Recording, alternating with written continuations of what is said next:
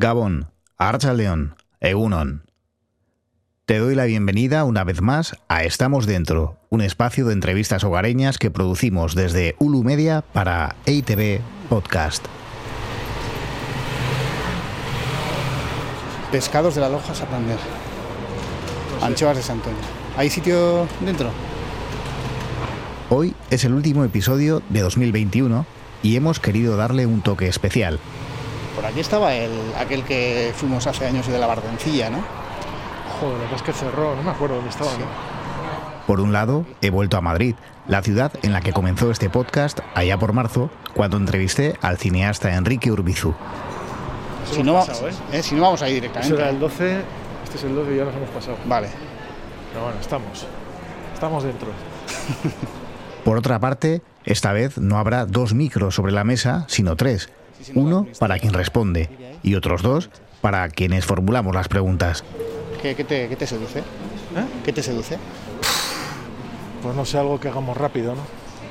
Pues miramos ahí eso de sándwiches y movidas. Venga. A ver qué te Me acompaña un amigo, el guionista Fernando R., a quien ya entrevisté en el episodio quinto de Estamos Dentro. Es fan acérrimo de nuestro anfitrión, igual que yo, e invitarle a la entrevista me ha parecido un buen modo de despedir este podcast.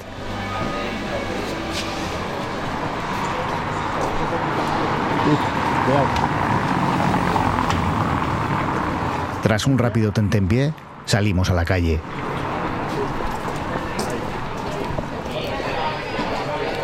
Pero qué bonita puerta, ¿no? Son las 3 de la tarde. Estamos en el barrio de Chueca, más animado aún que de costumbre, por aquello del puente festivo de diciembre. Voy a darle, ¿eh? Nos detenemos frente a un portón rústico enorme y llamamos sin éxito al telefonillo.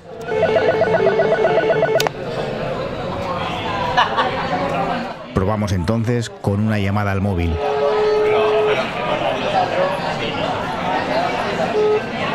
Hola, Javier. Juan. ¿Eres Juan, no? Sí, soy Juan. ¿Estás aquí ya? Es- estoy abajo en, en- en el portal, sí. ¿Te abro la puerta? Sí, por favor. Gracias.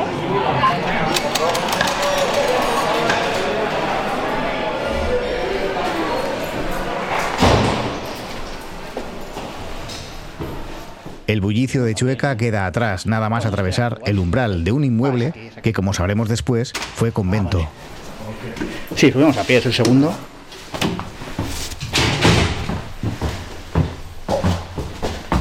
Aquí vive, desde hace tiempo, nuestro anfitrión, Donostiarra Ilustre, con más de 40 años de carrera en la música, la televisión y el cine.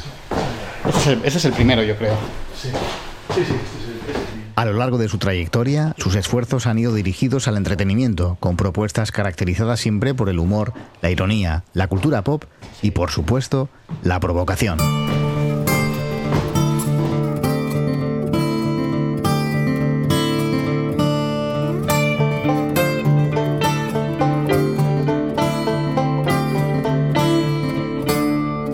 Soy Juan G. Andrés y hoy, en Estamos Dentro, accedemos a la casa de Javier Gurruchaga.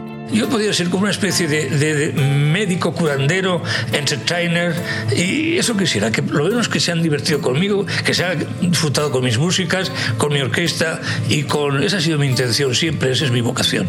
Hacer más eh, liviano este paso por, por la vida, hacerlo más entretenido, me miro, me miro, siempre estoy como eh, preparado para, para salir a actuar, es decir, la cara preparada para hacer una, una improvisación o un acting, El mismo espíritu, pero es verdad que es un palo verte de crío a verte ya pues con 63 años, ¿no? Porque el paso del tiempo es implacable, ¿no?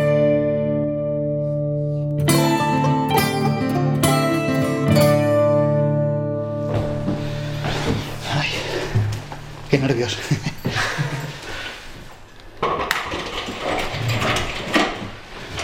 Hola, ¿qué hay? Hola, Javier. ¿Qué tal? ¿Cómo estás? Muy bien. ¿Estás bien? ¿Esto qué está funcionando ya? Está funcionando ya. ¿Pero qué vas a hacer? Todo el... La entrada, sí. Más bien, pues, Encantado. Este es mi compañero Fernando. Hola, mucho gusto, ¿cómo estás? ¿Qué tal? ¿Pasáis por aquí a este Sí. cuartito? Oye, tú antes, Javier, vivías en la Latina. ¿La Latina puede ser? Yo siempre he vivido aquí. Bueno, aquí no, al principio iba- De inmediato, el vestíbulo nos brinda una idea de la casa que nos vamos a encontrar. Un auténtico almacén de recuerdos y tesoros de una vida que Javier Gurruchaga almacena con fervor desordenado pero religioso. No, no, no, no. Uf, No. qué fantasías animadas. No, no, no. En principio, cuando viví en Madrid, pues, eh, pues en, en una pensión. Las pilas de libros se agolpan a ambos lados de los pasillos. En las estanterías, todo tipo de publicaciones comparten espacio con figuras, muñecos y reliquias de diversa índole. Muy bien, pues En las paredes no cabe ni un retrato familiar más, ni un cuadro más, ni un cartel de película clásica más. Gracias Javier. No extraña en absoluto que una casa con tanta solera haya sido incluso escenario de rodajes de cine como el de París Tombuctú, la última película de Luis García Berlanga. aquí mismo rodó Berlanga. Apenas tocó cosas. Y también Almodóvar, yo antes tenía el de al lado también, rodó también. En otros tiempos, hace ya 30 años. Bueno, eh, Berlanga fue en el 98, o sea que hace 23 años. Sudamos tinta para colocar los tres micros en la mesa en la que Guruchaga, además de su ordenador, tiene desplegados libros y un sinfín de cachivaches como una figurita luminosa de Elvis que vigilará toda la conversación. Vamos a probar, estamos aquí, se me oye, se me escucha. Acércate un poco el micro. Sí. Nuestro anfitrión toma asiento en una silla de estilo pavo real, también conocida como silla Emanuel, por la película erótica que la hizo mundialmente conocida. de estar aquí y a, a las cinco y media me tengo que ir. Vale, vale. A las cinco me tengo que ir vistiendo ya. El crujido del ratán o del mimbre acompañará una conversación que comienza con el siguiente agradecimiento. Y en primer lugar yo quería darte las gracias por, por abrirnos las puertas de tu casa y dejarnos introducir los micrófonos de Estamos Dentro en, en este hogar eh, que tienes en el barrio madrileño de Chueca. Estamos en Madrid, donde has vivido la mayor parte de tu vida, pero esta historia, la tuya, comienza el 12 de febrero de 1958 en Donostia. Eh, suele recordar siempre tus orígenes humildes, ¿no? De tu padre y tu madre Sí. trabajadores, eh, tu madre cocinera, tu padre obrero de una fábrica. eh, Bueno, obrero exactamente era factor. Él fue ferroviario, pero después de la guerra, pues eh, eh, se quedaron sin nada. Toda la familia mía era ferroviaria, de, de los trenes del Urola. Y eh, mi abuelo era jefe de estación y mi eta era pues factor. Y terminó al final, eh, habíamos hablado antes de que era de pasajes anchos, ¿no? Pasajes, había descargando ahí bidones de aceite. En el puerto. eh, de- de- de Con los bar- de los hasta que barcos, ¿no? salía algo mejor, y te hablo ya de los años cuarenta y tantos o así, y luego pues sí, se fue colocando, sabe, le va bien las, las matemáticas y la- la- tenía una bonita escritura y tal, y ya factor otra vez, pero con unos sueldos, es, es triste, ¿no? Ser ferroviario, tener toda la, la vida, la ilusión esa romántica del, de tal, y bueno, terminar así, así terminó, terminó, vamos, de jefe de estación que era, primero en, Azcoy, en Azpeite y luego en Zumaya, pues terminó de limpiándole los dorados al, al, al- al facha de turno. O sea que así es. Y esa afición que tú siempre has tenido por los trenes, el viaje, igual te viene de ahí, Sí, ¿no? Me viene, de- de- me acuerdo que de niño, pues, eh, pues o sea, pues, eh, cuando el abuelo era no sé, Laytona, era tal, era tal, y bueno, me regalaron a los cinco años, hicieron un enorme esfuerzo económico y los, los Aitas, un tren eléctrico, estupendo, muy bonito, duró cuatro horas, vamos, era de segunda mano, ¿Por por, lo visto, porque se quemó, no sé cómo funcionó, y bueno, desde entonces, pues, eh, tengo esa fijación con los, con los trenes y, bueno, siempre me han gustado mucho los trenes, los trenes en el cine, eh, las películas de Hitchcock me gustan mucho, los trenes en la literatura, en la vida me gusta viajar en, en tren, desde luego mucho más que en avión, que ya en los últimos años, pues, pues ya es- ha sido siempre un esperpento, me lo paso muy mal. Es incomodísimo, ¿no? Cuando incómodo, sobre todo cuando hay baches y te pasan todas las películas de desastres eh, de, de avión que habían podido pasar, que hayas visto en la tele, pues en ese momento sí te pasan todos los desastres por la cabeza. No, no me gusta. El autobús tampoco me gusta demasiado. El coche me da prudencia, me da un cierto respeto. Tuve mm, casi seis accidentes de coche, eh, tres de estos bastante, bastante graves. Y, y bueno, pues el tren me encanta. El tren eh, eh, tiene otro. eh, lees, te levantas, vas a la cafetería.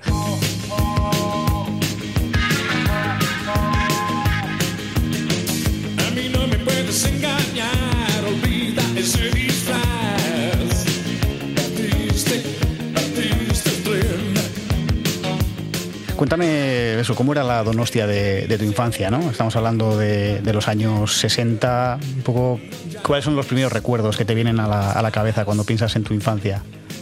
Bueno, me, acuerdo sobre todo de la escuela. Yo fui a la escuela, a la, Escuela Nacional de Amara, y ahí me recuerdo como pues había ciertas obligaciones míticas, había que cantar, no sé si era el cara al sol, había que cantar a, la, a María, cantar a tal, el mes de mayo. Bueno, pues todas estas cosas eh, empecé pues eh, con tres años y medio y ya ahí noté yo ahí, de eso soy consciente de que mis bromas o mis eh, que con cuatro años se pueden hacer, pues tenían eco, eh, funcionaban. ¿no? Mira, pues parece ser que soy, soy gracioso. Mira, que, que, el, el, gracioso de clase, eso sí, que sí, pero ¿no? bueno, gracioso de clase, pero luego afortunadamente estudiaba y hacía, sacaba buenas notas, eso lo tengo.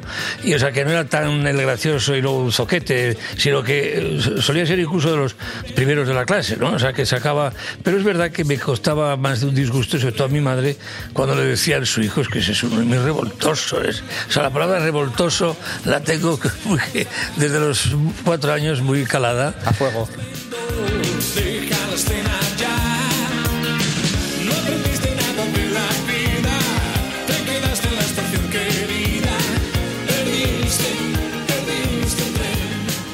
Siete años pasé al Colegio de Los Ángeles en la parte vieja, que ahí diríamos que era otra categoría, mm, otra categoría en el sentido de que preparaban para meterte en un banco a trabajar, una oficina contable. Era un colegio muy humilde, en la zona eh, pobre, modesta de, la parte vieja, con un fuerte olor a pescado, todo hay que decirlo, fuerte olor, que se metía por la- las clases, por las, por las ventanas. Y, eh, pero estupendo colegio, es mi colegio, y, y luego pues ya vendría Marianistas, que será un colegio de clase un poquito más acomodada.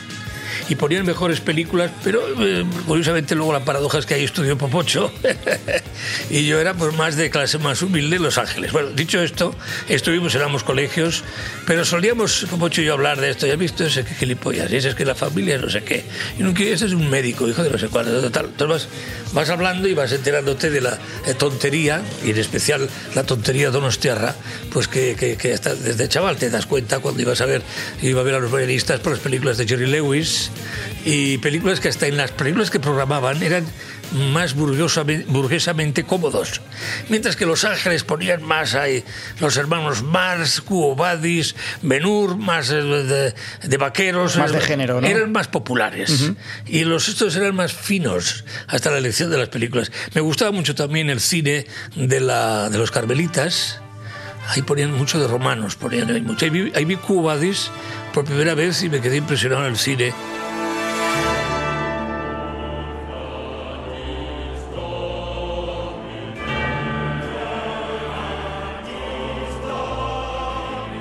En El Buen Pastor recuerdo que vi, también había un cine, pero había que atravesar, eso era muy impactante, un montón de tumbas que no entendías bien. Sí, sí, aquí están muertos, aquí tal. Y pasabas por allí, aquí está el obispo, aquí está total. Y pasabas un pasillo y vi la película Edison. que Con el tiempo supe que aquel señor era Spencer Tracy y creo que Mickey Rooney y había varios por ahí. Y, y esa película me impactó en El Buen Pastor, que es donde yo me bauticé, en la catedral. También solía ir a los franciscanos a ver, pero menos, nos pillaba más lejos. En el corazón de María, pero no me solían gustar, ahí había mucho, mucha película vaquera. Y a mí en Los Ángeles, en mi colegio, iba bastante, también porque me salía gratis, se ayudaba a, a- a enrollar los, los, los rollos de las películas o desenrollar al hermano Tomás. Una vez me pillé uno de los dedos, tengo aquí una marquita, pero haciéndole un poquito la rosca, pues con eso ya era feliz yo, pues me sentí importante, ¿no? Dándole con otros, a algún otro compañero, éramos varios, y también me gustaba mucho los domingos por la mañana, fíjate, sin ninguna vender entradas. Había una puertecita con una ventanita y qué importancia, sí quiero dos entradas, sí, un momentito. Si dos, tres entradas, tal, con 11, 12 años, pues eso es muy bonito, ¿no? Y ahí vi pues grandes películas que influyeron mucho en mi, ¿cómo no? Eh, a esa edad, pues mucho en el, en la- el carácter, en la formación, la mirada, en la forma de ver las cosas, en el humor y eh, la vida un poco, ¿no? O sea que Colegio de Los Ángeles fue mi primer gran cine.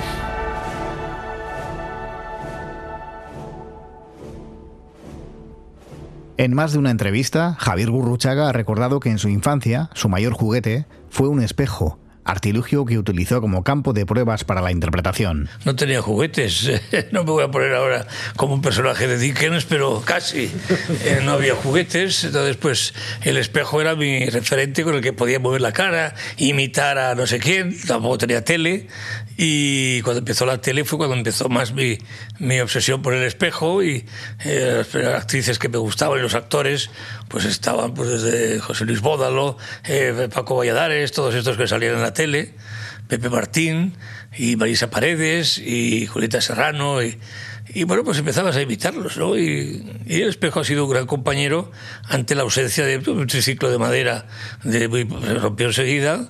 Y se, te rompía, se te rompían los juguetes. Como que no te, pobres, éramos humildes, éramos eh, pobres, pero, pero honrados, decía mi, no, no me faltaba nunca nada de casa y para comer tampoco, porque además mi madre era una estupenda cocinera, Antonia Iriarte. Y bueno, pues, eh, pues nada, pues el espejo, no había, fíjate ahora que con el iPad, el resto del ordenador, el resto del muñeco, ya ni muñecos, ahora ya todo es por el. a cambio todo mucho, ¿no?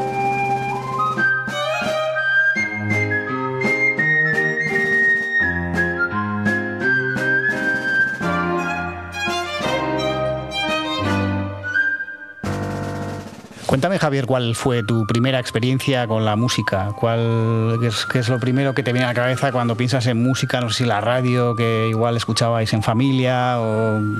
Bueno, lo, primero que hice en música viene el, el, eh, una especie de anécdota simpática con tal de ganar un aplauso y unos, unas chocolatinas y unos pines de, de chocolate sour, pues en la voz de Guipúzcoa había una, una especie de festival de villancicos y yo canté un villancico eh, Belén Aldera, Jesús Ecustera, Entía Dator, Villata Onera, bueno, algo así que.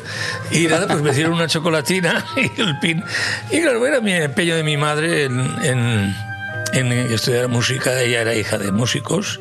Eh, mi, abuelo por parte paterna, Demetrio Iriarte, pues era, era Chistulari, ah. director de la banda de, de, Chistu de Oñate, y los otros tíos también eran. Eh, Demetrio Iriarte, hijo, fue director de la banda municipal de Chavaleta. Higinio era profesor, era profesor de solfeo, de de, iba por los caseríos de, de Oñate y de, la, de, las, de las cuestas que sube Aranzazú por a dar clases a los caseros. Y era pues todo esto es bonito, ¿no? Y, y mi madre se empeñó en que empecé a los siete años en el Conservatorio Municipal, ahí en la calle entonces llamada Víctor Pradera, en la calle Aso, y bueno, pues ahí empecé en ese edificio que ya me llamaba la atención entonces. Y luego pues ya descubrí que sus arquitecturas tenían tanto que ver con los años 20 y 30 y, y, bueno, pues ahí, ahí, ahí, empecé con solfeo, con... Eh, Saxofón, con, ¿no? Creo que es... No, eso vino más tarde, más tarde. Después de una frustrada, un frustrado intento de tocar el acordeón. Pero al tocar el acordeón, el acordeón era prestado. Entonces, o estabas todo el rato con el instrumento, que no había ni sitio en casa, y, o, o no, no había manera de aprender. O sea, al final eh, me incliné años después porque me llevé un, un, poco y un poco de disgusto. Teníamos un profesor que era un gran músico, como no, que me enteré hace poco que había fallecido, él era un grande, era Miguel Vicondoa. Pero eh, dando clases no era especialmente amable, no era, no era muy... Y bueno, pues me decepcioné un poquito, yo también tenía... Eh, los estudios un poquito en el solfeo, pues eh, un poquito flojitos en aquel momento, ¿no? Hice cuatro años de solfeo, pero luego lo revisé, lo estudié con, y bueno, para, porque quería yo tocar el saxofón. Y a los 16 años me puse a tocar el saxofón.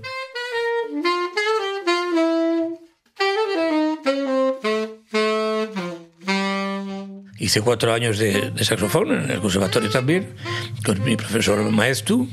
Y, y bueno, pues eh, Navarro, él, él era también, estaba en el, en el, ejército, subteniente, tocaba el clarinete y me metió de saxofón segundo en la mili también.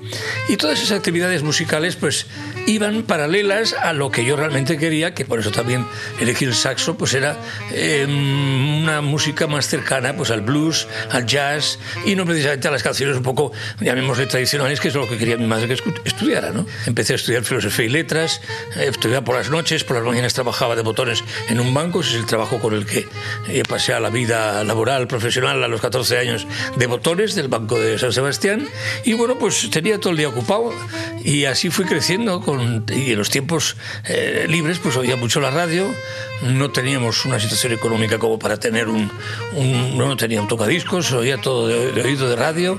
Y luego fueron amigos los que me fueron dejando discos, me compré uno de segunda mano pequeño, luego ya pues oíamos de cualquier manera, yo o sea, muy de oídas todo, incluso a nivel de música me ayudaron mis estudios, pero donde un poco más me moví fue con la, la música un poco en plan autodidacta, o lo que se dice de oído, ¿no?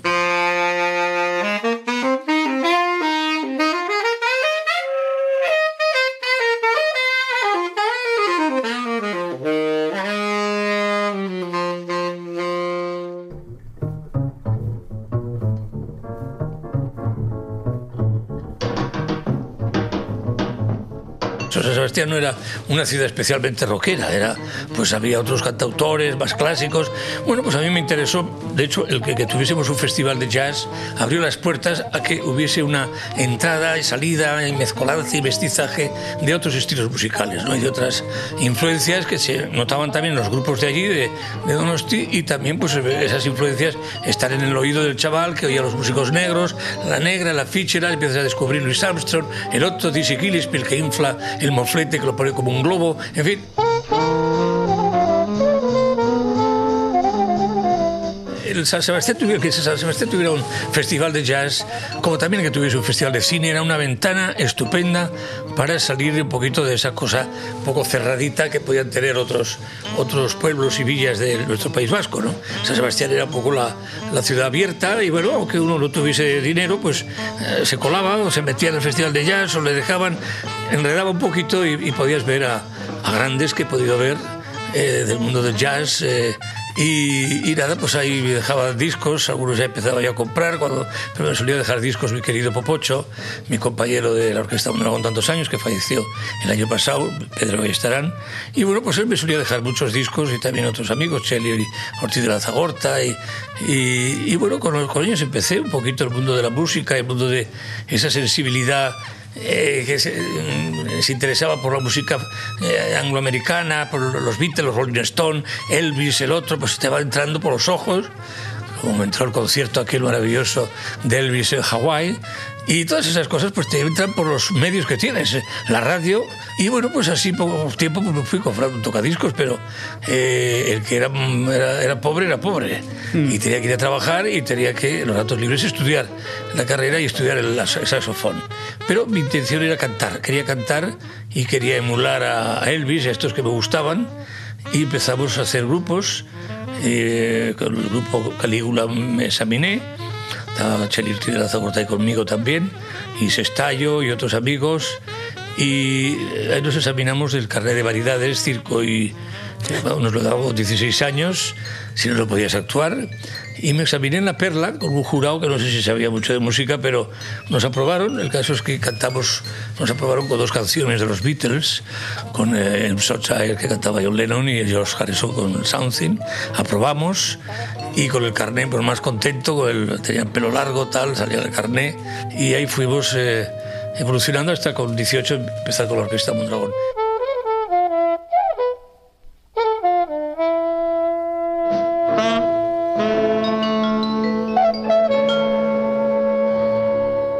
Orquesta Mondragón no nos complicamos la vida, salió de un programa de radio y ahí pues eh, eh, Mondragón porque era el sitio, te vamos a mandar a Mondragón.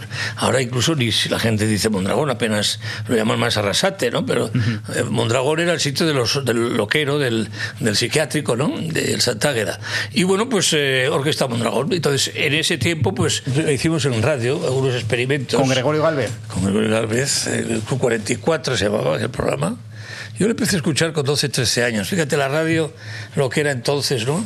Y estábamos un montón de chavales ahí, como muy enganchados con, con estos programas. Y bueno, pues ahí salió mi. También mi afición de la radio me vino desde, desde muy crío, ¿no? No sé si sería aquel villancico con cuatro años de los chocolates Zahor, pero eh, bueno, ahí, ahí me vino toda la, la información, toda la y ahí empezamos, quise también ser locutor. Uno quería ser pues lo que veía que a mí me gustaba hablar, utilizar la voz. Y bueno, pues empecé presentando eh, concursos infantiles de cuentos en la, en la, biblioteca municipal de San Sebastián. Y ahí solía imitar también para entretener. Mi pasión de entertainer me viene, como ya os he contado antes, desde niño, pues imitaba a un crítico muy en boga entonces, eh, claro, solamente había una televisión y, y media, todos no había nadie, que era Alfonso Sánchez, que era un crítico de cine. Los Óscar este año se presentaban como una querella entre modernos y antiguos. Como la Academia se ha decidido por dar el Oscar a Rocky, parece que es como si se inclinara por los modernos. que tenía una pequeña cosa nasal una- y le solíamos invitar, le invitaba a todo el mundo, ¿no? Todos ¿Cómo, los- cómo- cómo era la voz? Que yo no, yo no- no lo recuerdo. Yo tampoco, no me acuerdo del.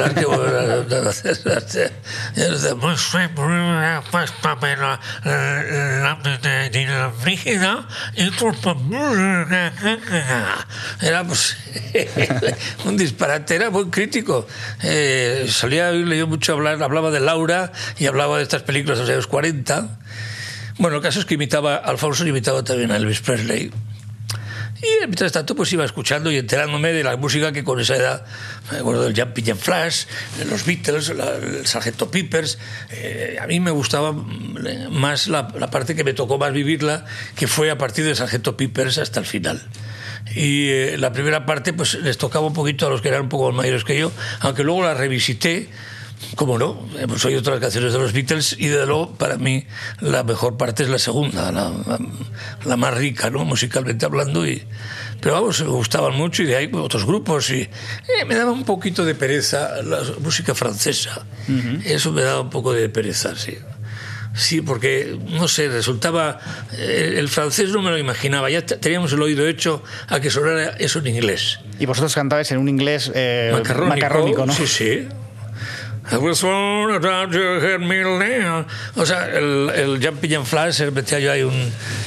Y joder, que me encanta el inglés este tío, que bien. Y yo, no, si no es inglés, es mentira, tal.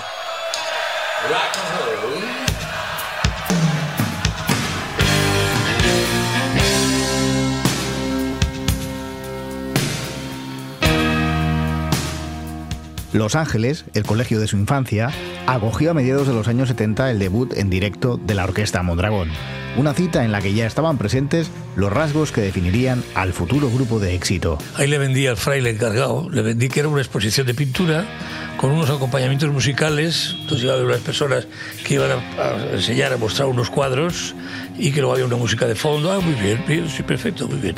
Claro, eh, no, no tradicionamos eso. Había un desfile de canciones, o sea, de, de cuadros, de pinturas, eh, a lo largo de algunos momentos de la, de- actuación, pero fundamentalmente lo que era música, con unos cuantos cuadros que pasaban de vez en cuando en un solo de guitarra.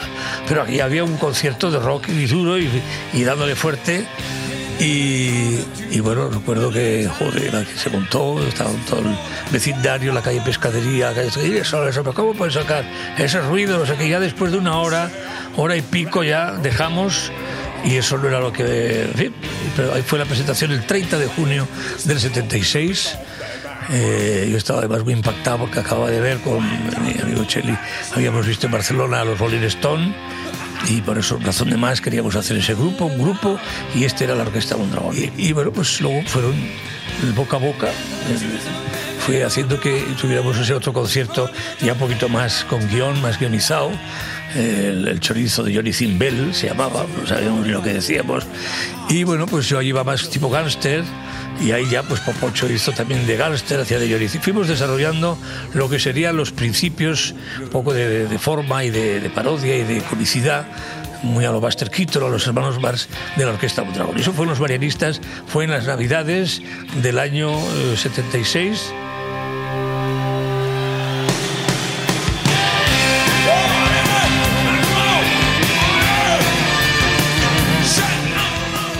Por tanto, se cumplen justo ahora 45 años del nacimiento de un grupo sin precedentes en una sociedad tan conservadora como la Donostia de la transición. Y, y bueno, fuimos notando que el grupo que se ponía delante lo tenía un poco difícil, o, o después peor, porque los eclipsábamos, todo hay que decirlo. Éramos, teníamos mucha fuerza y bueno, pues fue la- ya a partir de ahí el, el boca a boca hizo que nos recorriéramos todo el País Vasco, todo Euskadi, en frontones, en teatros, en fuimos a ganar, ganar un poquito de dinero para ir pagando el equipo, para ir a tal, poco a poco, poco a poco. eh, pero ya, fíjate, era la época en que Franco había muerto y había un vacío, la gente quería eh, quería humor, quería parodia, quería reírse un poquito de todo lo que habíamos sufrido, padecido de dictadura y poco a poco pues fuimos ahí haciendo nuestras historias que eran muy eh, vistas hoy en día serían muy pecaminosas porque yo creo que ahora hemos retrocedido bastante en, en todo esto. ¿no?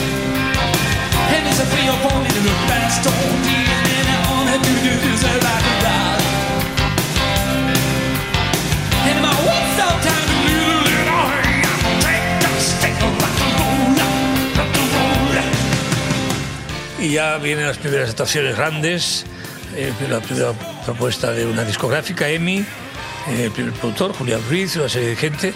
Y bueno, pues ya contar más detalles podía ser abrumador, pero vamos, fue creciendo y sobre todo el boca a boca fue, y llenábamos todos los sitios, llenábamos, era, era maravillosa. Yo en un concierto en Azcoitia eh, me compré varios pollitos que los vendían así en la brecha, eh, en San Sebastián, en el mercado de la brecha, unos pollitos teñidos de distintos colores, azules, Sí. amarillos, tal, y luego yo pues vestido de novia en Azcoitia repartía eh, pollitos de colores, por- eso no lo había hecho nadie, pero la cosa es que eh, bueno, pues había muchos guiños ahí del cine, como no, pues Federico Fellini pues es un- fundamental, como los hermanos Marx, como las películas de Chaplin, en la configuración de la, la parte un poco escén- escénica, de la orquesta, ¿no? Luego en lo musical, pues me gustaban mucho los cantantes con voz rota, con voz negra, Joe Cocker, Johnny Winter eh, y Elvis, otro negro más estupendo.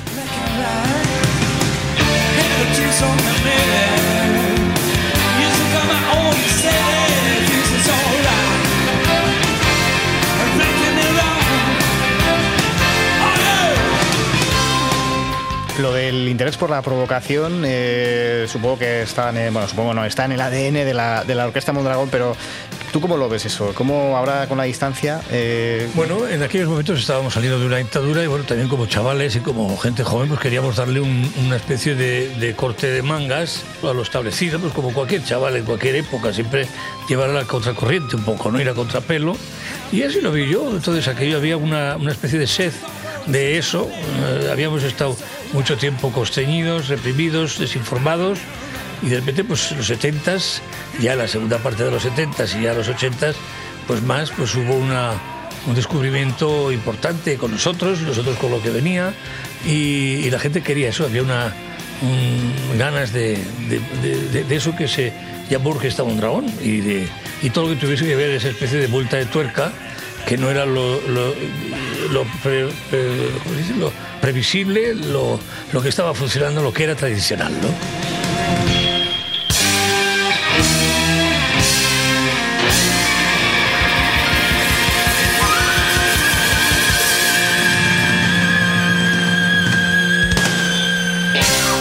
Lo veo, pues lo veo que en los años 80 hubo un progreso importante, fue una década, por eso le han llamado tanto de los 80, para, para nosotros, para otros grupos, para mucha gente, y luego pues ha tenido sus más y menos hasta llegar ahora a una década, eh, bueno, una década recién inaugurada, donde ahora pues hay otro tipo de terrores, eh, están las redes sociales, unas bien, otras no tan bien, otras está el, ser humano con otro tipo de ambiente. Ahora todo es eh, un poco más la autocensura, lo políticamente correcto.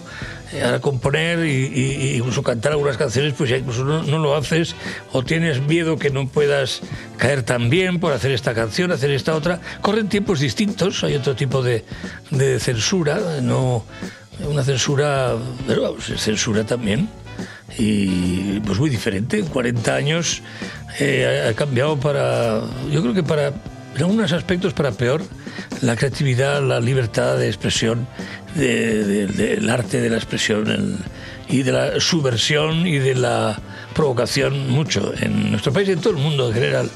En todo el mundo, sí, sí.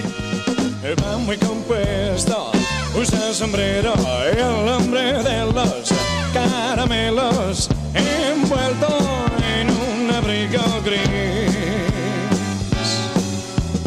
A la puerta del colegio con su bolsa de caramelos, espera para hacerte feliz.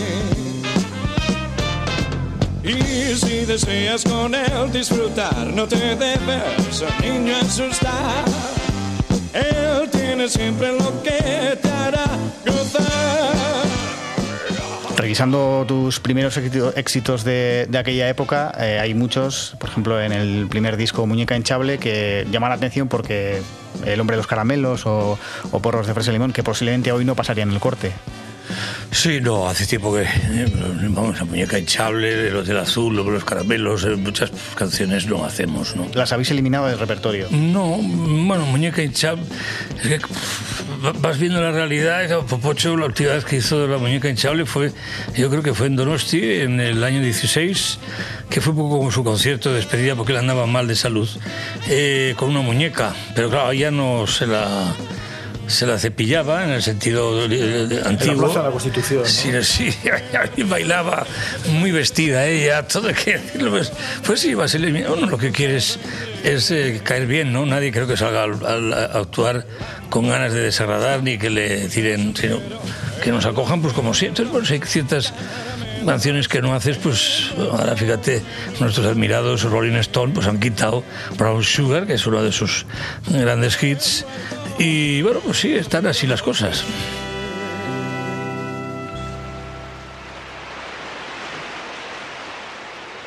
¿Y cómo, cómo lidia alguien que ha tenido libertad para hacer lo que ha querido desde siempre a tener que, bueno, de alguna forma te autocensuras? Sí, o- sí, pero como yo, todo el mundo, estamos todos en ese plan. No creo que haya nadie que no se lo piense dos veces a la hora de interpretar aquí en España y América, en Estados Unidos, en cualquier sitio. Ahora ya todo se mira con lupa. Eh, Siempre se ha mirado con... Pero ahora más y en cualquier lado del mundo. Hombre, eso no me quitó el hacerle una parodia a Trump, que es uno de los personajes más impresentables de la humanidad. Y bueno, pues además que se le vio claramente el, el plumero el día que iba a ser investido Biden ya presidente, pues mandó, quiso hacer una marcha al estilo fascista, como hicieron Hitler y Mussolini en los años 20, y, y- y al Capitolio. Entonces, luego también es, es, es de juzgado de guardia, no entiendo, fue exonerado de los dos eh, impeachment. Un señor que, que, mm, llamaba a la gente a vamos al Capitolio. A ¿no? tomar el Capitolio, Y luego sí. él se fue, no fue al Capitolio. Es, es como otro artista que yo conozco, que conocemos todos, que animó a unos señores a ir a una manifestación y luego él no fue. O sea, de esos hay muchos, ¿no? Sin nombrar a nadie, todo el mundo lo sabe. Pues Trump es un personaje impresentable. Y pues, ahí me, me, regalaba- me regaló una eh, amiga que tiene una peluquería, me regaló una peluca rubia que tenía especial. Y he estado ahí toda una temporada dándole a Trump y esperemos que no vuelva, porque tendré que desempolvarla y volverla a sacar. Ponte peluca, eh, ponte la peluca ya.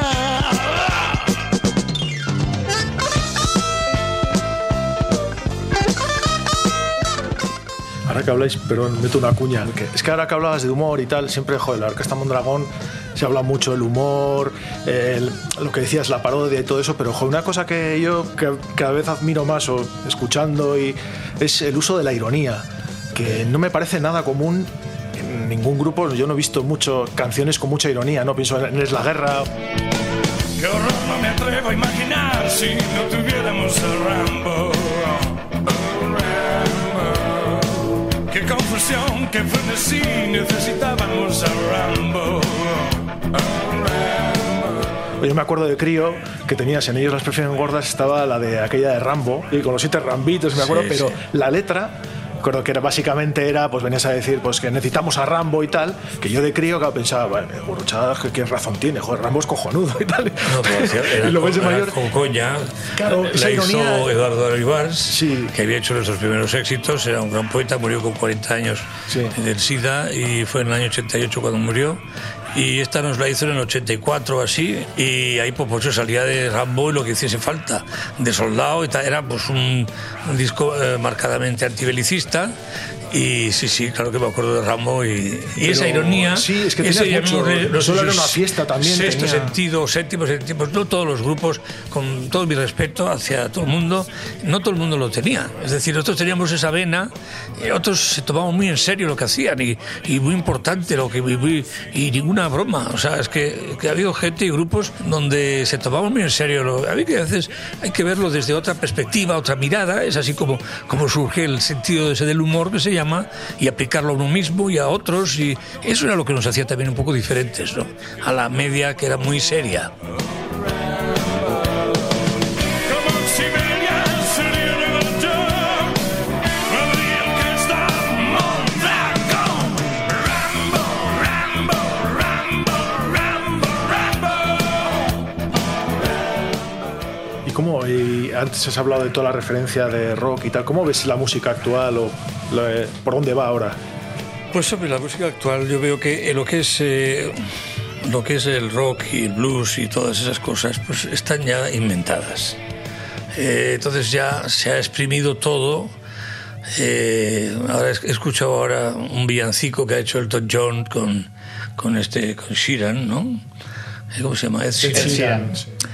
Y bueno, ahí está todo, sí, pero está todo de una manera eh, grabado y cantado que es como una tour mix de tantas cosas, o sea, está todo inventado. Entonces ver a eh, Elton John, a mí es un artista que me encanta, pero verlo en esa tesitura con un vídeo que ha hecho donde se transforma en, en el muñeco de bola de, de- nieve, eh, o sea, ¿qué te diga? O sea, la música es un refrito de tantas cosas, está todo inventado. Entonces es difícil que a mí me, me, me, me- vuelva loco algo de lo nuevo que está saliendo, pues los patrones ya los conocemos y los que están, la música basada en otros patrones, pues o no me interesan o no es mi... A mí que me canten, no canten, que me hablen un largo rato sobre algo, yo no quiero que me hablen, yo quiero que me canten. ¿Eh? Tito, popi, po, po, po, po, po, pa, no que me tapo, ta, ta, ta, te, ta, pa, to, to, ta, ta, ta. Eh, Sermones, me han aborrecido los sermones desde cuando iba a la iglesia. Era la parte que menos gracia me hacía, que era un tostón. Y yo también ahí metí mano, como metí mano, metí, metí baza, metí, me hice monaguillo también, fíjate. Y fui también eh, cantante del coro de Los Ángeles, eh, Don Gelasio. Mis estudios de, de música me servían también para tener ese pluriempleo eh, que no pagaban nada. Pero vamos, estábamos ahí en el Colegio San Vicente, al lado de Colegio Los Ángeles, Colegio San Vicente, Don Gelasio era del coro de San Vicente.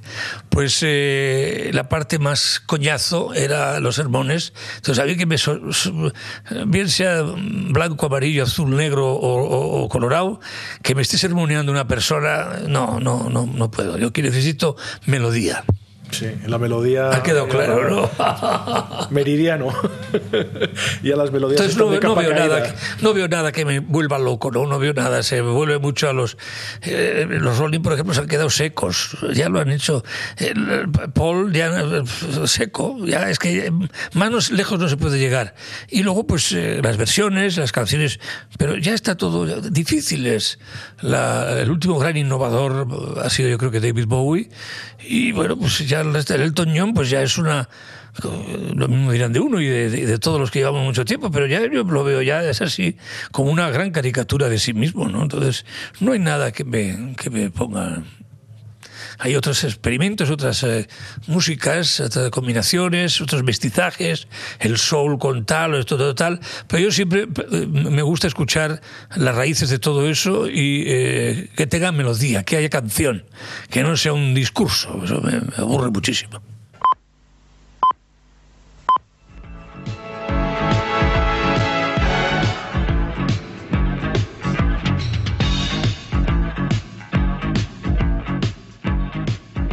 Para recordar cuando vimos a Javier en una pantalla por primera vez, tenemos que remontarnos a 1987, el año en el que se incorporó a un programa revolucionario que trataba a los niños como seres inteligentes en lugar de infantilizarlos.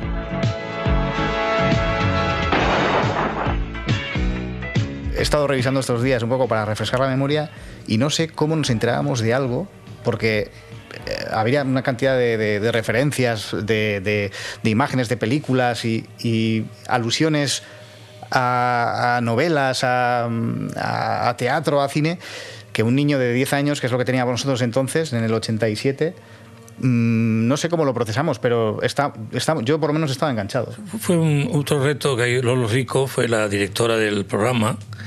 Eh, entonces se estaba produciendo el cambio entre, eh, creo que era Calviño y Pilar Miró. Ahí ella estaba, su autonomía propia en su programa, y se emitía los sábados por la mañana. Y quería eso, pretendía que se tratara más normalmente a la gente, a los chavales, a los jóvenes, a la- y no como si fueran un poco deficientes, ¿no? Y nada, pues, pues, propuso una serie de programas, una serie de series, secciones, estaba Alaska, estaban, hacían músicas eh, Radio Futura, hacía tal, y a mí me llamaron en el 85 para hacer una sección que se llamaría el Cuarto Hombre, luego se llamó La Cuarta Parte, yo le fui inventando los nombres, era una sección al final, y al final pues fue cogiendo más cuerpo, de 5 o 10 minutos pasó a tener casi media hora, 20 minutos de sección ahí, donde hacíamos un guiño con muy pocos medios, con un, rollo de estos de aluminio, hacíamos un- una imitación a James Bond. Bueno, fue una experiencia y aprendí mucho, hice ciento y pico programas en esa tele con la bola de cristal por las mañanas. Ese programa le- lo vio Pilar en su día, que fue otro de los motivos por los que eh, se animó a darme un programa. Ladies and gentlemen, ha llegado la hora del ansiado noticiario. Bruno, mira las cámaras, mira. Siempre preocupándonos, señoras y señores, por el físico. Estaremos gordos, estaremos delgados. Ellos las prefieren gordas, delgadas. eh, En fin, hoy va de delgados. Dos estrellas de excepción para abrir este noticiario. Stan Laurel y Oliver Hardy. El gordo y el flaco en estas imágenes en el ocaso de sus vidas. Y sí, la bola, pues un- mucho agradecimiento a Lolo Rico y a todo un equipo de gente que estuvieron ahí. A mí me, dijeron, me dejaron mucho margen, eh, autonomía para crear y para. Y bueno, un gran recuerdo también a Paco Quintanar, que es un documentalista, que ha sido director de otros programas de cine, que ahora se va a jubilar. Y bueno, pues eh, con él hice mucha.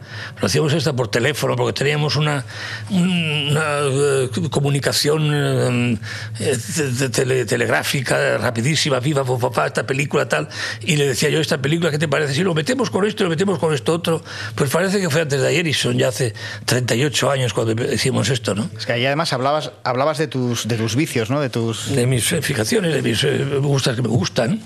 Y, y bueno, pues estaba el cine muy presente, perdón, la música.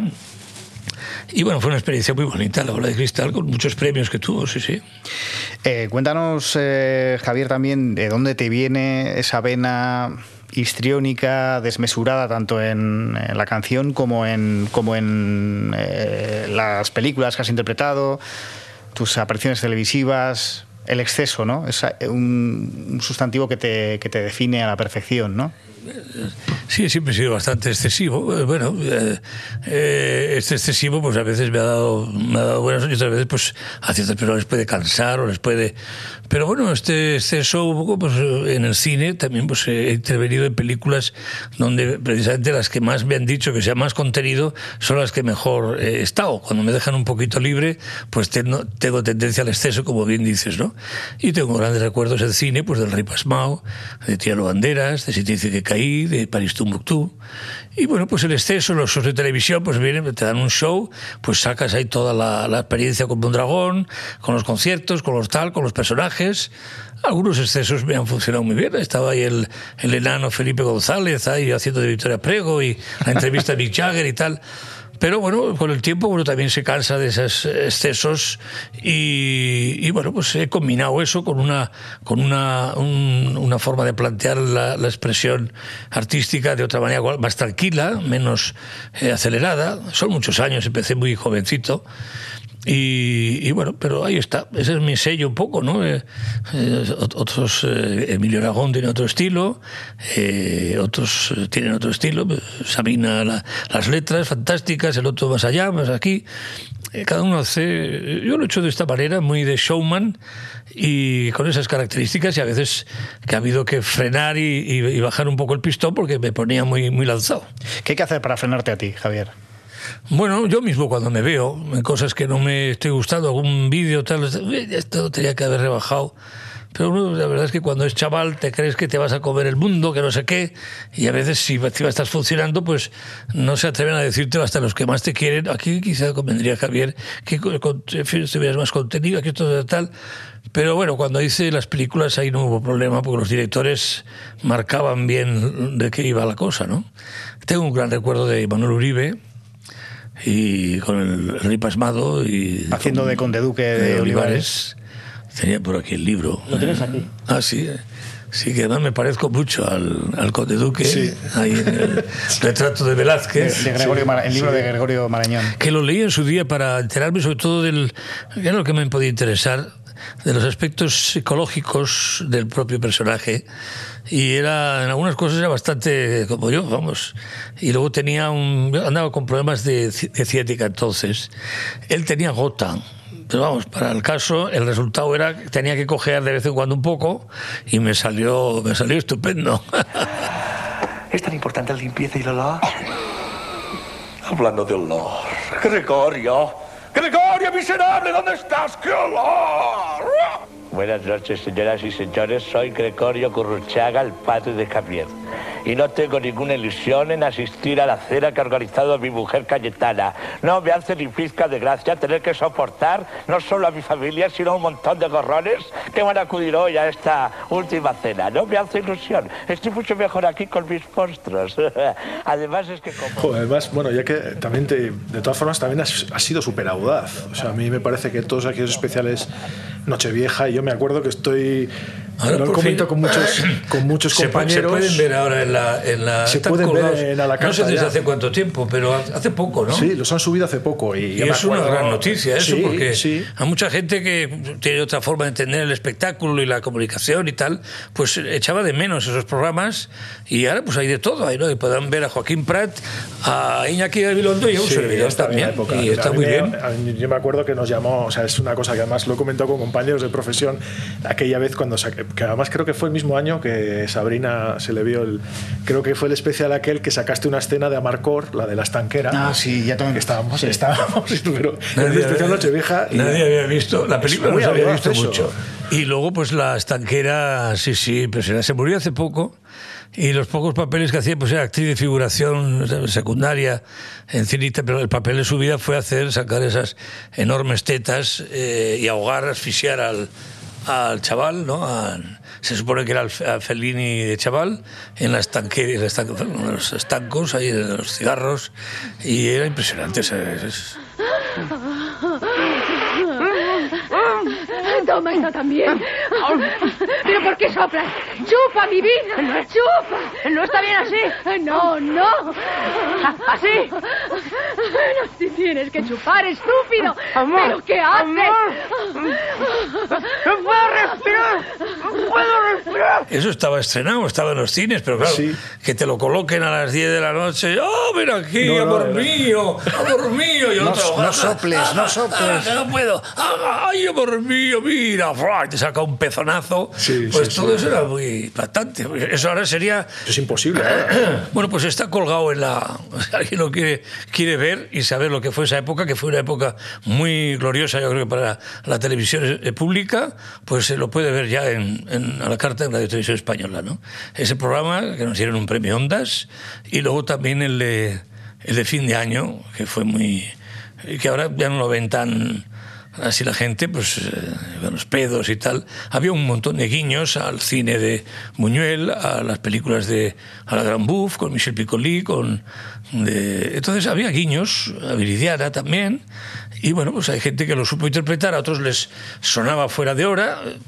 Era, fue un, programa, hay que decirlo, que tuvo siempre la, fuerza, la, el, arranque, la presencia, el elemento cañero que nos dio siempre Pilar Miró. Pilar Miró, eh, no era eso, yo no me lanzaba a hacer esas cosas si no hubiese tenido a una valedora como Pilar, que era una gran mujer del cine y del espectáculo y de la televisión. Ella había dirigido muchos de esos estudios uno que me gustaban a mí de chaval. Ella sabía lo que era estar encima en un plató y ahí tuvo tuvo, una, tuvimos una época, toda la televisión, eh, donde dio, dieron, con otros programas también, grandes eh, saltos, avances, y ahora ya resultarían provocadores, pero Pilar era muy, muy, muy heavy en ese sentido. Pilar Miró, directora general de Radio Televisión Española entre 1986 y 1989, fue la principal valedora de su siguiente hito en la pequeña pantalla, Viaje con nosotros, un programa de variedades fundamental en la historia de la televisión.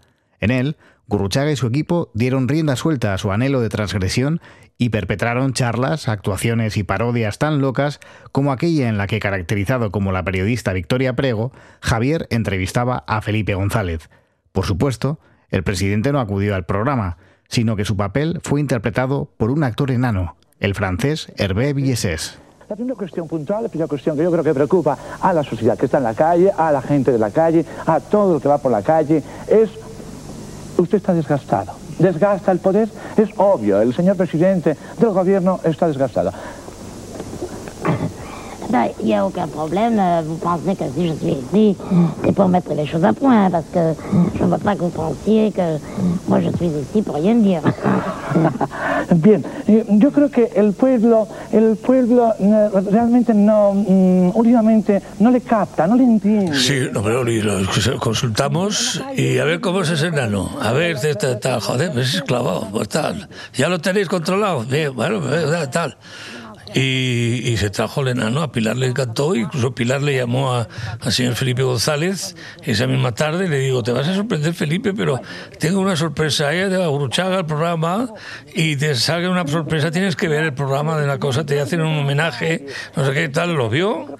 Y luego Felipe González me mandó una carta felicitándome por la victoria Prego, por el hallazgo del enano, que el Vilches era un actor que había hecho La Isla Fantasía, El hombre de la pistola de oro, había hecho varias películas, series en Estados Unidos, era francés, eh, alardeaba de su buen francés, como también eh, nuestro Felipe González, y eh, nacieron ambos en el año 42, eso también es muy gracioso.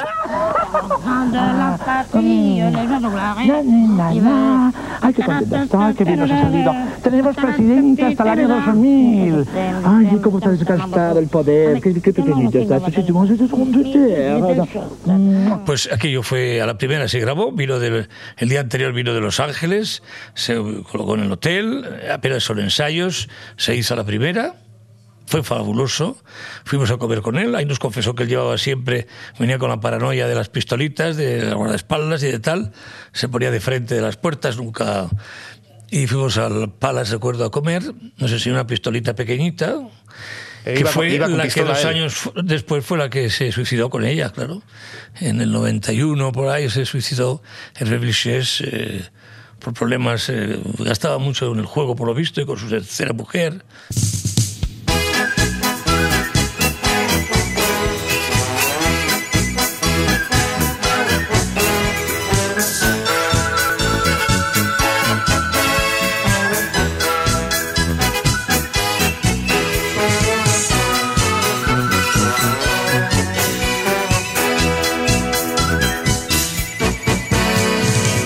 Viaje con nosotros si quiere gozar.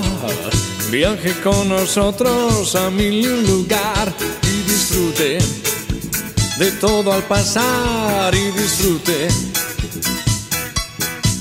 de las hermosas historias que les vamos a contar.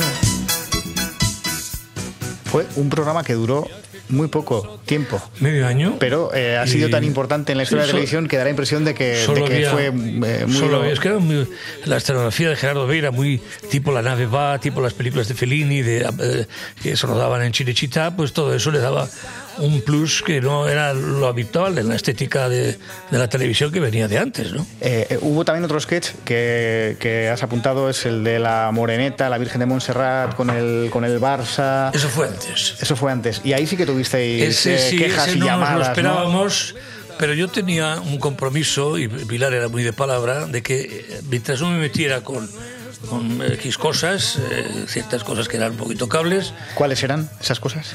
Bueno, eh, pues, el- el- la Constitución, el rey, estas cosas un poquito de, del que me- lo que sea. Y nada, pues yo atento a eso, pues hice. y bueno, tampoco pensaba que iba a organizar eh, el Solar Salver Boadella semejante escándalo, ¿no? Pero salimos de portada del país al día siguiente y yo no sabía dónde meterme. Me tomé Valiums, la gente estaba a favor, todo eso, tal, los de la crítica, no sé qué. Los mismos de televisión que en un principio no querían que se emitiese eso. Eh, yo hablé con Pilar Miró y estaba en el Congreso. Eh, y antes de entrar ella en su intervención en el Congreso, pues habló conmigo. ¿Qué pasa con esto? Que tus, que tus eh, dicho alguna familiar de tus chicos me quieren, no me quieren dejar el programa que se emita. El programa, el sketch se grabó el día anterior, el sketch. Y el programa se hizo en directo, el sketch se metió y con lo que fuera, ella era una persona de palabras, ella venía también ya de una de una andadura en el cine donde había sufrido en sus propios carnes la censura. Y ella se comprometió con Javier Gruchaga, un servidor, en hacer ese tipo de show, pues adelante y adelante fue. Y de ahí luego yo creo que hubo una especie de pique, vamos a superarnos con Mick Jagger, con Felipe González, con lo que sea, ¿no? Pero eso fue también ahí. Yo, yo, yo por mí mismo no tenía ningún poder para que se emitiese eso, ¿no? ¿Y por qué acabó el programa, Javier? Bueno, el programa terminó el contrato de, de Pilar Miró con televisión.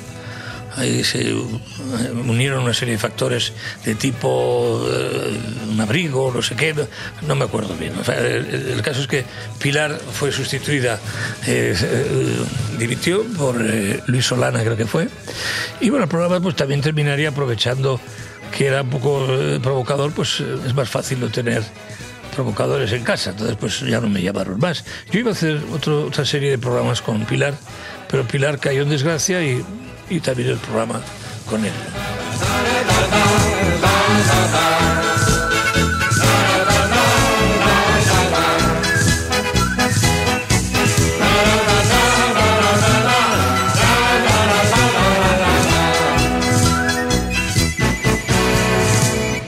Bueno, yo quiero aprovechar para darte las gracias por presentarnos a Danuta. Ah, la neta, era polaca, era polaca, Sí, sí, sí. Era del programa también, que era como... Sí, muy, muy, gra- muy grande todo, sí, sí.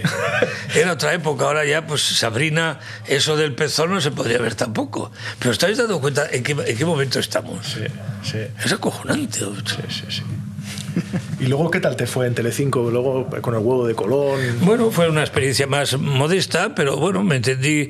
eh, Me pasó con Lazaroff un poquito lo que me pasó con el de los colegios de Los Ángeles, que le vendí una moto que era, era, eh, era al pie de la letra. Él quería que yo interviniese en unos huevos, unos huevos, en unos eh, eh, cámaras estas. eh, que no, que no se- no te ven.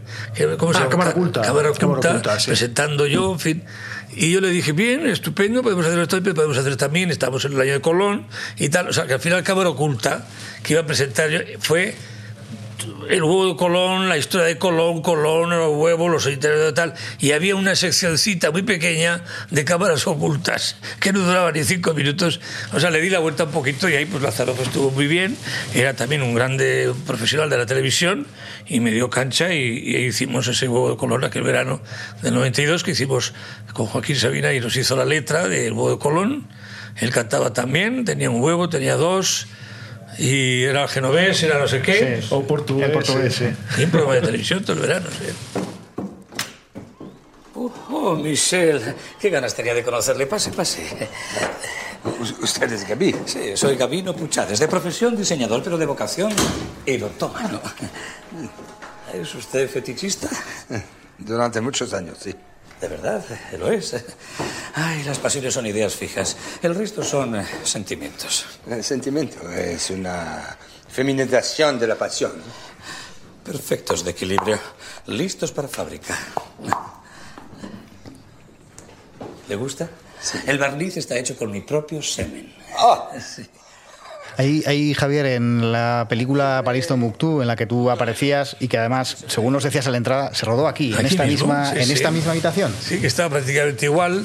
Eh, A Luis eh, García Berlanga, al maestro, le gustó mucho el sitio y trajo algunas pequeñas cositas, unos pequeños fetiches. Y se rodó aquí, entraba por ahí Michelle. Hola Michelle, ¿cómo estás? Ah, pues mira Michelle, mira, este es mi estudio, este no sé qué, no sé cuál. Y se hizo aquí. Y aquí teníamos una- un vídeo, aquí estaba Concha Velasco y Amparo Soler Leal, que ya se nos fue. Y bueno, estas eran mis hermanas. Y entrábamos por la biblioteca, luego salía por ahí Concha persiguiéndome con unos zapatos astifinos. Una experiencia muy bonita. Yo siempre he admirado a Berlanga y que trabajar en su última película fue un regalo. ¿no? Una última película que él terminaba con un plano muy inquietante que era Tengo miedo, una pintada que aparecía en una pared, Tengo miedo, ¿no? Además coincidió ese Tengo miedo con otra película que hizo eh, Celebrity Woody Allen en el mismo año, mismo año, donde Celebrity Woody Allen eh, ponía en el cielo, eh, había un avión que hacía unas nubes y ponía Help. Y uno decía help y el otro tengo miedo. O sea que dos grandes del cine decían ese grito, acabando el milenio, que era ya el año 99 cuando se estrenó, lanzaban ambos ese grito, ¿no? Tan, tan de verdad, porque menudo, menudo milenio estamos teniendo, ¿no? ¿A qué le tienes tu miedo, Javier? Bueno, miedo, mucho respeto y cada vez con más tiempo te vas dando cuenta, ¿no? El paso del tiempo, el que ya pues, se va- nos vamos haciendo más, más mayores.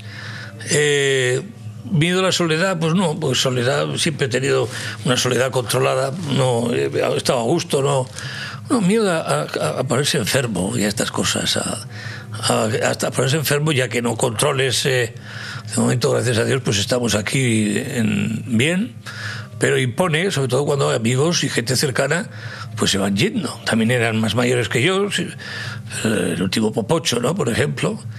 Y pues que hay que cu- cuidarse mucho la salud, el estrés, todas estas preocupaciones que hay, pues es normal, el trabajo, el estar dos años sin trabajar, una pandemia, echando, echando de los ahorros, eh, tirando de los ahorros para poder.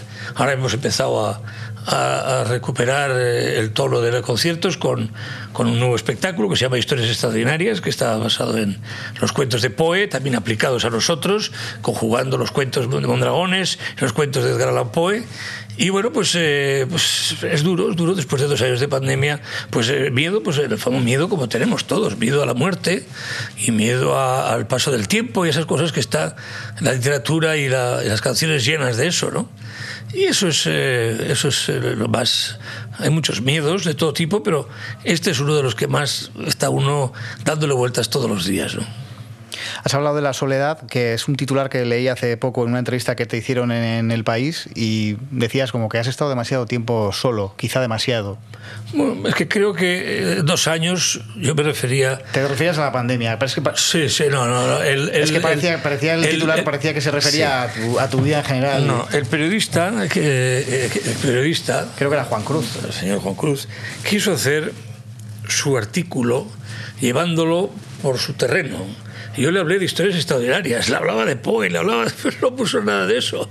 Quiso mezclar la pandemia con prácticamente como cuando era niño, que soy hijo único, la soledad del niño ante el espejo. Todo soledad, soledad, solo, solo como el café solo. Era, desde mi punto de vista, fue un artículo muy tendencioso, muy, no, no fue un artículo. eh, no me gustó cómo lo enfocó y tampoco yo he tenido y tengo sentido el humor y tengo ganas de quiero estar solo en mis ratos y que soy una persona sociable. O sea, él quiso dibujar otro guion y no es ese, no es ni mucho menos ese. Fue un artículo de los mm, mm, más tristes que, que he visto sobre mí. No me gustó nada. Es que daba, daba esa imagen, sí, realmente. el artículo y, y no, no, no es. Es decir, cuando leí el periódico ese mismo día, fui a un programa de la Sexta y ofrecí mi lado vitalista. O sea, yo soy luchador, emprendedor, vitalista, con ganas de hacer cosas. No soy un tío que tira la toalla fácilmente, no, no. Solos, todos estamos solos. Él el primero, el periodista. Eh, todos estamos solos, pero una soledad controlada y una soledad a veces buscada, querida. Y pues no nos engañemos, en esta vida todos somos muy egoístas y caben todo ese tipo de soledades, pero mm, eh, una cosa es contarle tus experiencias eh, de- de- profesionales y tender a enfocar por ahí y no poner nada del otro. Eh, Eso se llama es manipulación, ¿no? Eso es no es ofrecer la entrevista, es hacer lo que le dé la gana.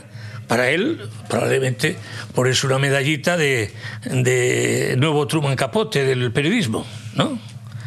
Nuevo. Fue, fue un desastre, fue un desastre. Absolutamente falsa la imagen que se dio, muy mal. ¿Cómo te gusta que te vean a ti?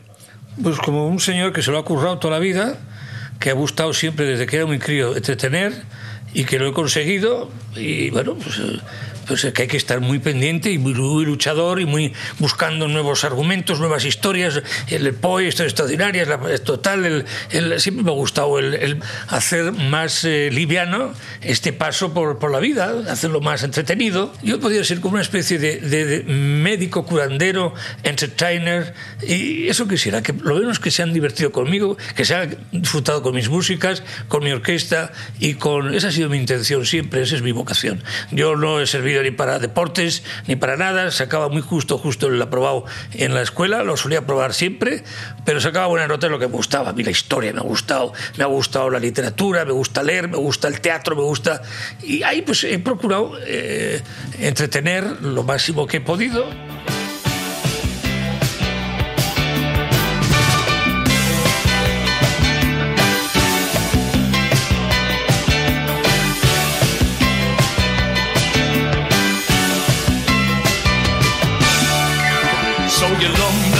Brazos del circo.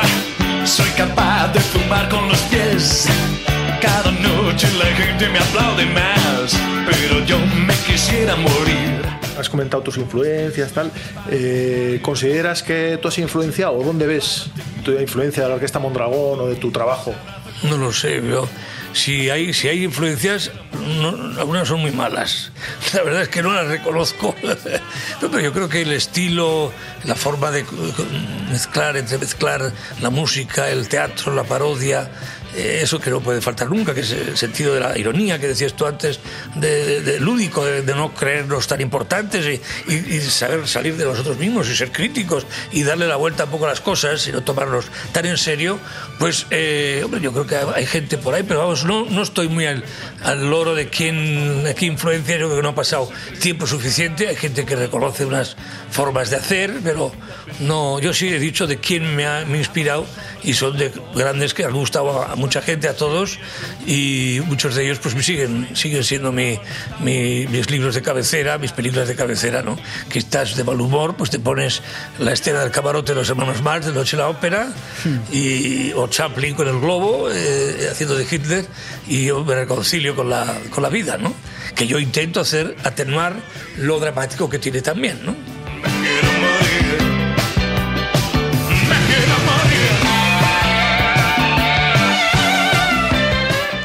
La última pregunta, Javier, sería eh, ¿qué es lo que ves cuando mm, miras al espejo, al que mirabas cuando, cuando eras un niño ahí en Donostia?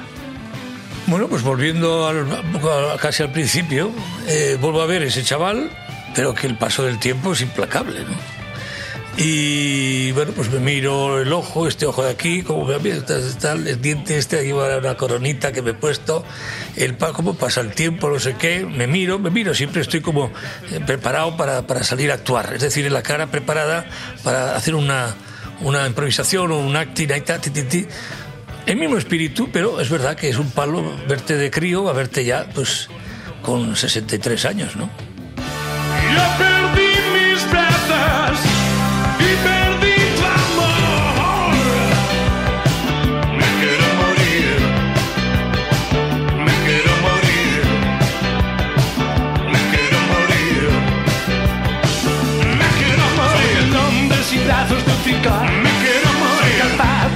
Con los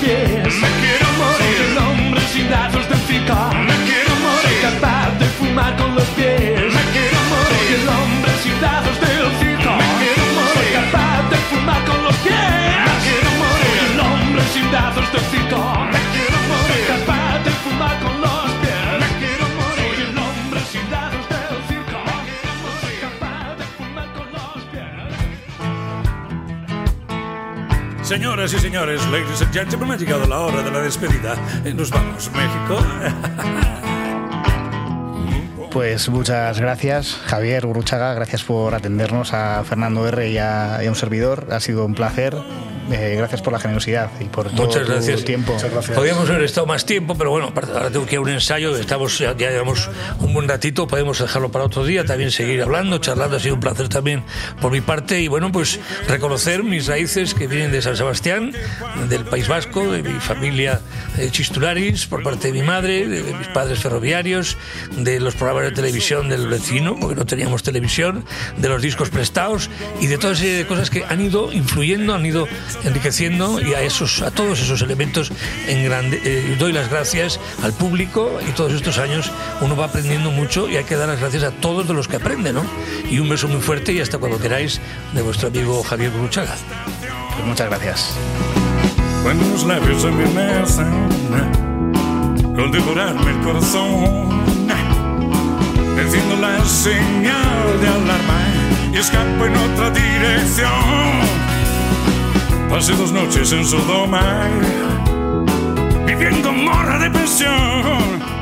Antes de marcharse al ensayo de Historias Extraordinarias, un nuevo espectáculo que combina los éxitos de la Orquesta Mondragón con el universo de Edgar Allan Poe, Javier nos expresa su deseo de volver en 2022 a alguno de los teatros de Donostia. Su ilusión es dedicarle un homenaje a Popocho, amigo y colaborador de siempre, fallecido hace ahora un año. Adiós.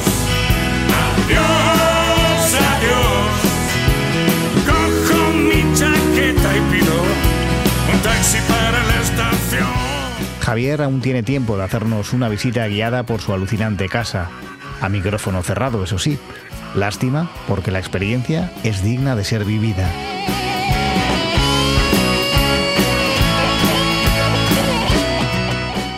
Así termina este vigésimo cuarto episodio de Estamos Dentro, el último del año. Si te ha gustado o al menos interesado, recomiéndanos a tus amistades y coméntales que hay otras 23 entrevistas disponibles en ITV Podcast y demás plataformas.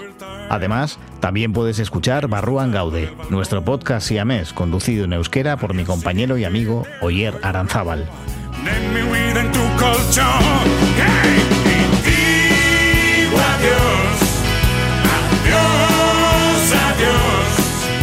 Ha sido un auténtico placer. Gracias a todas y a todos los entrevistados que nos han abierto las puertas de su hogar.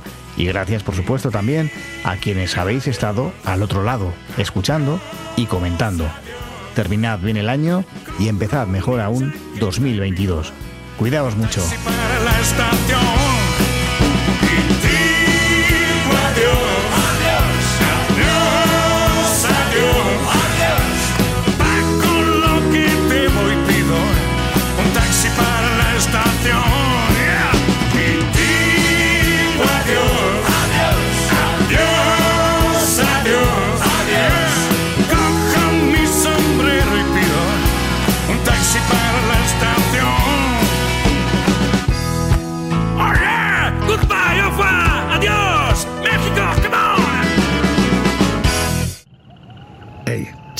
Entzun hori.